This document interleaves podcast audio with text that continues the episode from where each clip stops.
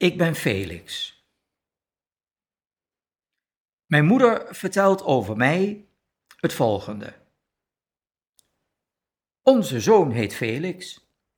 Hij wil uitvinder worden of profvoetballer. Of hij daar talent voor heeft, dat maakt hem niks uit. Hij is gek op het jeugdjournaal. Felix wil weten wat er in de wereld gebeurt. Hij kan ook echt goed vertellen wat hij daarvan vindt. Samenleven met andere culturen gaat hem makkelijk af. Hij zit op een hele gekleurde school. Hij zei vandaag nog: Ik snap niet dat mensen racistisch zijn. Een donkere huidskleur is toch veel mooier dan wit? Daarna zei hij: Ik heb blond haar. Bruin zou daar trouwens helemaal niet goed bij staan. Hij is opgeruimd, vrolijk en zorgeloos. Misschien heb ik hem dat meegegeven. Tijdens de zwangerschap was ik zelf ook zo vrolijk en sterk. De omstandigheden zijn ook gunstig voor Felix. Hij is in Nederland geboren. Hij heeft ouders die hem van alles kunnen bieden. We slaan hem niet, dus dat is ook fijn. En hij heeft gewoon een vrolijk karakter. Felix praat heel veel. Als hij wakker wordt, begint hij al direct te praten. Een voortdurend geluid. Daar kan je niet omheen. Felix is ook een mensenvriend. Hij gaat naar een nieuw hockeyteam, naar een nieuwe klas, naar de BSO, naar gitaarles. En meteen komt hij thuis met een nieuwe vriend. Mijn ouders zijn allebei overleden, vertelt mijn moeder. Door Felix beleef ik mijn eigen jeugd opnieuw. Het is fijn om terug te gaan naar een tijd dat je nog zorgeloos was. Felix is altijd vrolijk en super energiek.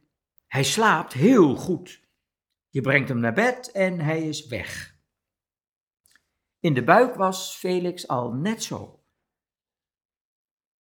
Ik nam hem overal mee naartoe, in de tram en in de trein. Hij was heel bewegelijk, vooral in de avond. Hij kon echt schoppen, alsof er iemand door mijn buik liep.